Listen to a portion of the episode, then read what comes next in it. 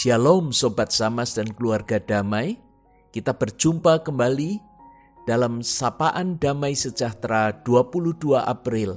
Kita akan merenungkan satu tema yaitu taat pimpinan Tuhan. Mari kita berdoa memohon pimpinan Roh Kudus untuk bersama merenungkan firman Tuhan.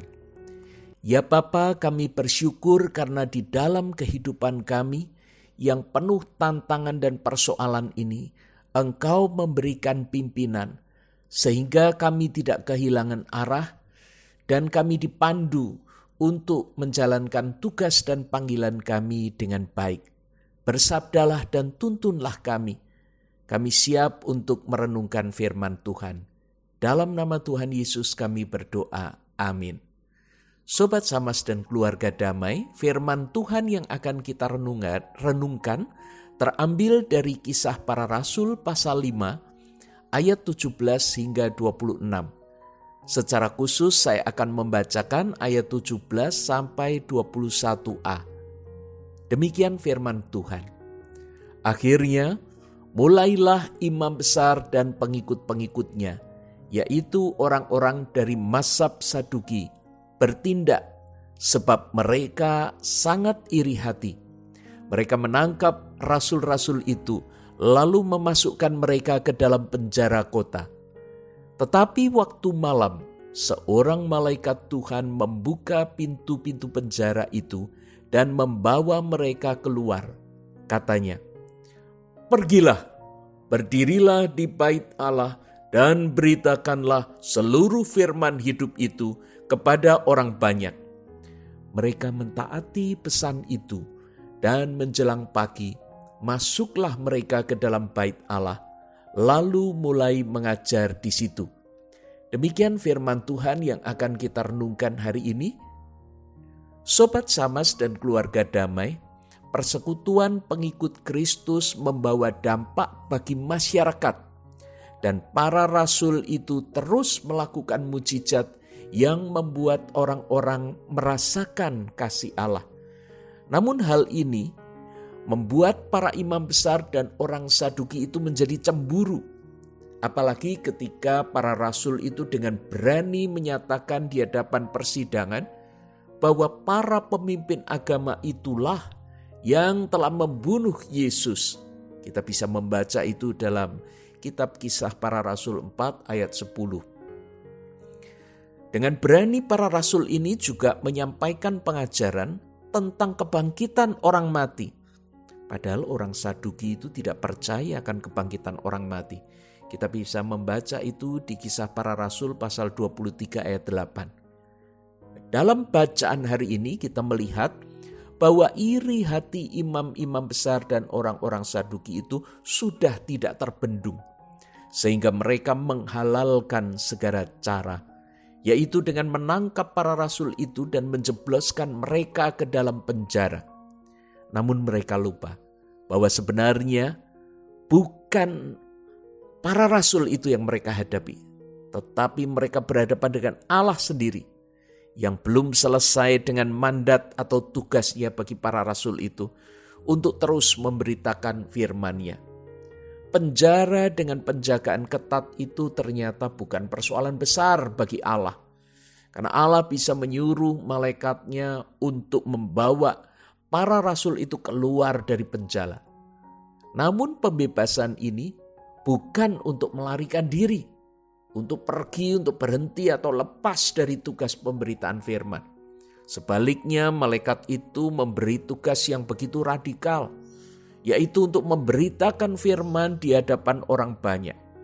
Mungkin kita menganggap perintah ini ekstrim, Bukankah setidaknya Allah bisa menunggu suasana bisa aman dulu, tenang dulu, baru kemudian melanjutkan pemberitaan firman di saat yang lain? Namun kita lihat para rasul itu mentaati perintah dari malaikat itu. Menjelang pagi masuklah mereka ke dalam bait Allah lalu mulai mengajar di situ. Langsung mereka mengerjakannya. Tidak ada protes maupun penolakan semua dikerjakan dengan ketaatan dan semangat penuh. Sungguh semangat dan keberanian yang luar biasa. Dan benar saja, Karena di ayat 26 dicatat bahwa kepala pengawal serta orang-orangnya itu pergi ke bait Allah lalu mengambil kedua rasul itu. Para rasul itu memang kembali ditangkap. Tetapi firman sudah diberitakan. Kebenaran itu sudah disampaikan di hadapan orang banyak yang berada di bait Allah itu. Pemberitaan firman sering dihadapkan pada kendala situasi. Seolah firman itu baru bisa diberitakan saat situasinya ideal. Sehingga saat kendala muncul, pemberitaan firman tertunda. Namun kita tetap perlu hikmat. Hikmat yang dari Tuhan untuk bisa membaca situasi dengan baik sehingga strategi pemberitaan firman juga dapat dilakukan dengan tepat. Dalam firman hari ini, para rasul sangat bergantung pada pimpinan Tuhan, sehingga dapat membaca situasi itu dengan tepat dan melaksanakan tugas pemberitaan firman dengan kekuatan penuh. Ketika mereka ditangkap, tentu tidak pernah membayangkan bisa keluar dalam waktu yang cepat apalagi keluar dari penjara saat itu, sungguh sangat mustahil, tidak masuk akal. Sedangkan kasus malaikat yang mengeluarkan rasul dari penjara selama ini belum pernah terjadi. Tidak ada gempa bumi dan semua penjaga dalam keadaan sehat, kondisi siaga penuh. Untuk membobol penjara dengan penjagaan yang begitu ketat, tentu sangat tidak mungkin Ternyata yang datang bukan pasukan khusus dengan senjata canggih, namun justru malaikat yang bisa membuka pintu membawa mereka keluar tanpa diketahui siapa pun. Dan setelah mereka keluar, tentu juga tidak membayangkan ada tugas untuk segera pergi ke bait Allah, tampil di depan orang banyak. Kalau kita yang jadi rasul-rasul itu mungkin kita akan berpikir seribu kali untuk kembali muncul di depan umum, apalagi memberitakan firman. Setidaknya trauma ditangkap dan dipenjara itu akan membuat kita lebih berhati-hati saat muncul di hadapan umum. Namun pola pikir Allah kadang sulit dipahami. Karena waktu yang diberikan untuk memberitakan firman tidaklah lama.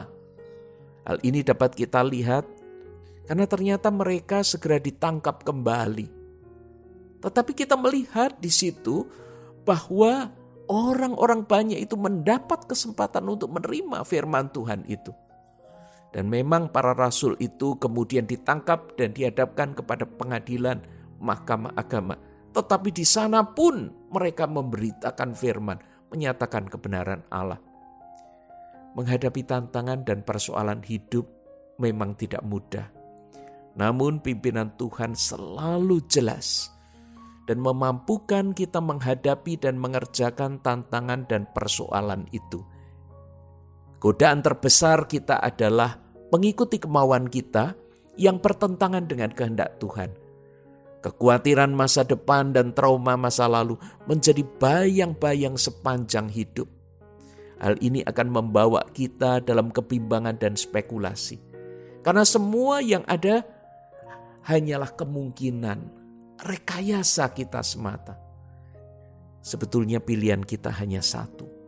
Taat pimpinan Tuhan dan menyelesaikan tugas kita dengan baik.